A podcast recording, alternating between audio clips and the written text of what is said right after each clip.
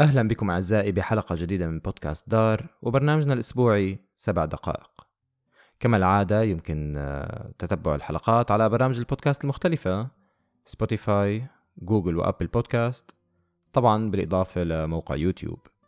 يكفي كتابة بودكاست دار للوصول مباشرة للحلقات.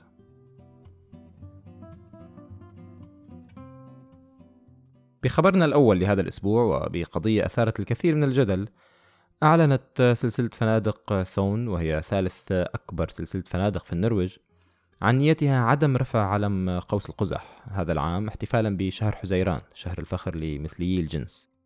مالك السلسلة وهو الثري النرويجي أولاف ثون صاحب ال 105 أعوام هو أحد أغنياء النرويج بثروة تقدر ب 2 مليار كرون نرويجي. السلسلة وبعد انتقادات واسعة لها ولصاحبها أعادت رفع الأعلام.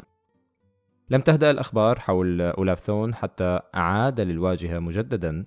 بعد انتقادات وجهتها له تجمع فلسطين من أجل النرويج Palestinakomiteen التجمع انتقد الثري النرويجي بسبب نيته دعم حركة MIFF وهي اختصار ل Med Israel for fred أي مع إسرائيل من أجل السلام.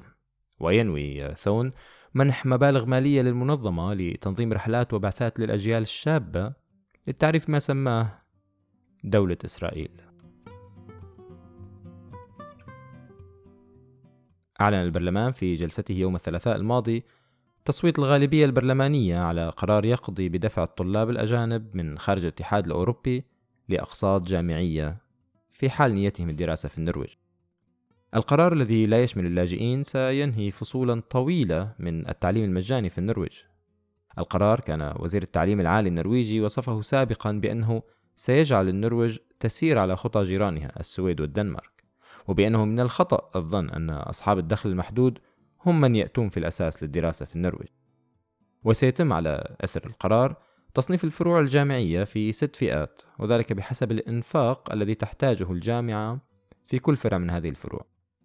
حيث ستبلغ تكلفة دراسة البكالوريوس أو ال bachelor بفرع جامعي ينتمي للفئة A بمبلغ آه، يزيد عن 450 ألف كرون نرويجي.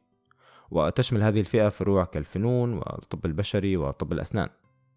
فيما تشمل الفئة B على سبيل المثال آه، دراسات كالطب النفسي. وكانت أحزاب الحمر روت آه، اليسار فينسترا والخضر أم دي هي الوحيدة التي صوتت آه، برلمانيا ضد القرار. علما أن غدا يوم الاثنين ستتم الجولة النهائية من التصويت والتي من المتوقع أن يتم إقرار هذا القرار بشكل نهائي من خلال هذه الجلسة.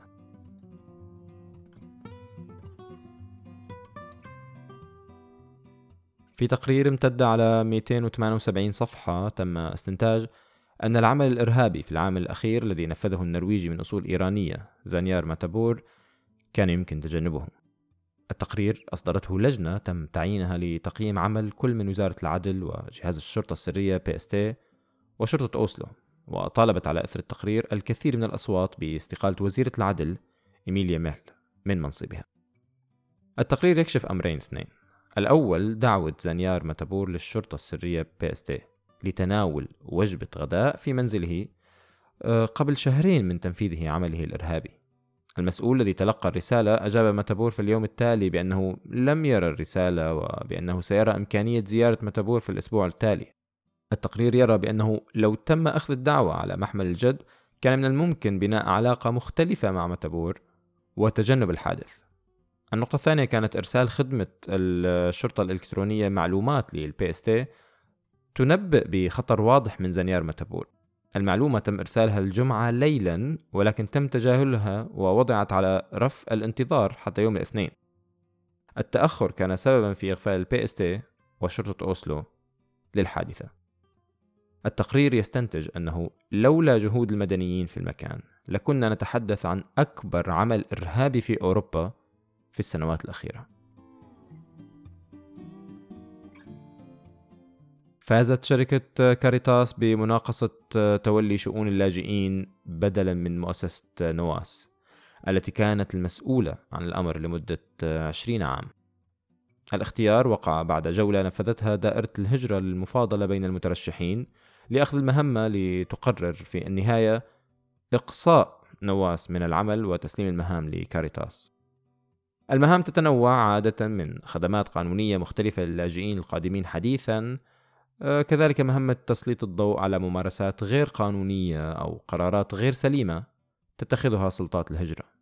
على سبيل المثال كانت لنواس دور هام في إيضاح أن اللاجئين السوريين القادمين من روسيا عام 2015 لا يمكنهم الحصول على لجوء في دولة روسيا. وتم الاستناد على ذلك عندما عكفت سلطات الهجرة عن آه، قرارها بإيقاف إرسال اللاجئين من النرويج لروسيا. وعلى أثر خسارتها أعلنت نواس نيتها تسريح 11 موظف نتيجة الانخفاض في الدعم المالي لها.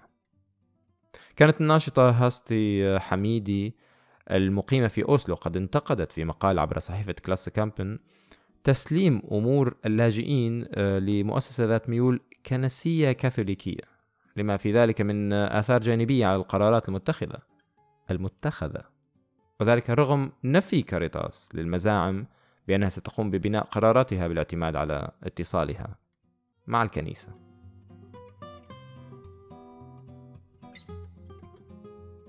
تم في أوسلو تعيين العراقية النرويجية زينب السامرائي رئيسة جديدة للاتحاد الرياضي النرويجي حيث حصلت على 138 صوت بمقابل 29 صوت للمنافسة بيريت شيل وأصبحت السامرائي أول رئيس للاتحاد الرياضي النرويجي من خلفية مهاجرة.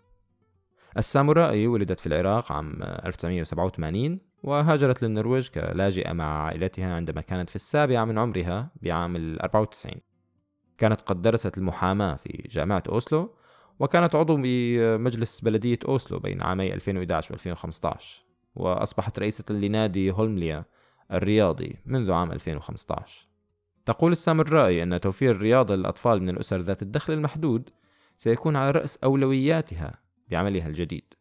وتقول أيضا ترعرعت في أسرة ذات دخل محدود. وفي الفترة الأخيرة شاهدنا الصعوبات التي يواجهها العديد من الأطفال واليافعين للدخول في عالم الرياضة بسبب أوضاع أسرهم الاقتصادية. ولهذا السبب سيكون هذا التحدي محور عملي آه، كرئيسة للاتحاد الرياضي النرويجي. كان هذا كل شيء لحلقة هذا الأسبوع. كما العادة يمكن قراءة تفاصيل هذه الأخبار بتتبع الروابط الموجودة في وصف الحلقة. كانت هذه الحلقة من إعداد أسامة شاهين قراءة وإخراج محدثكم أشهم علواني لنا لقاء آخر.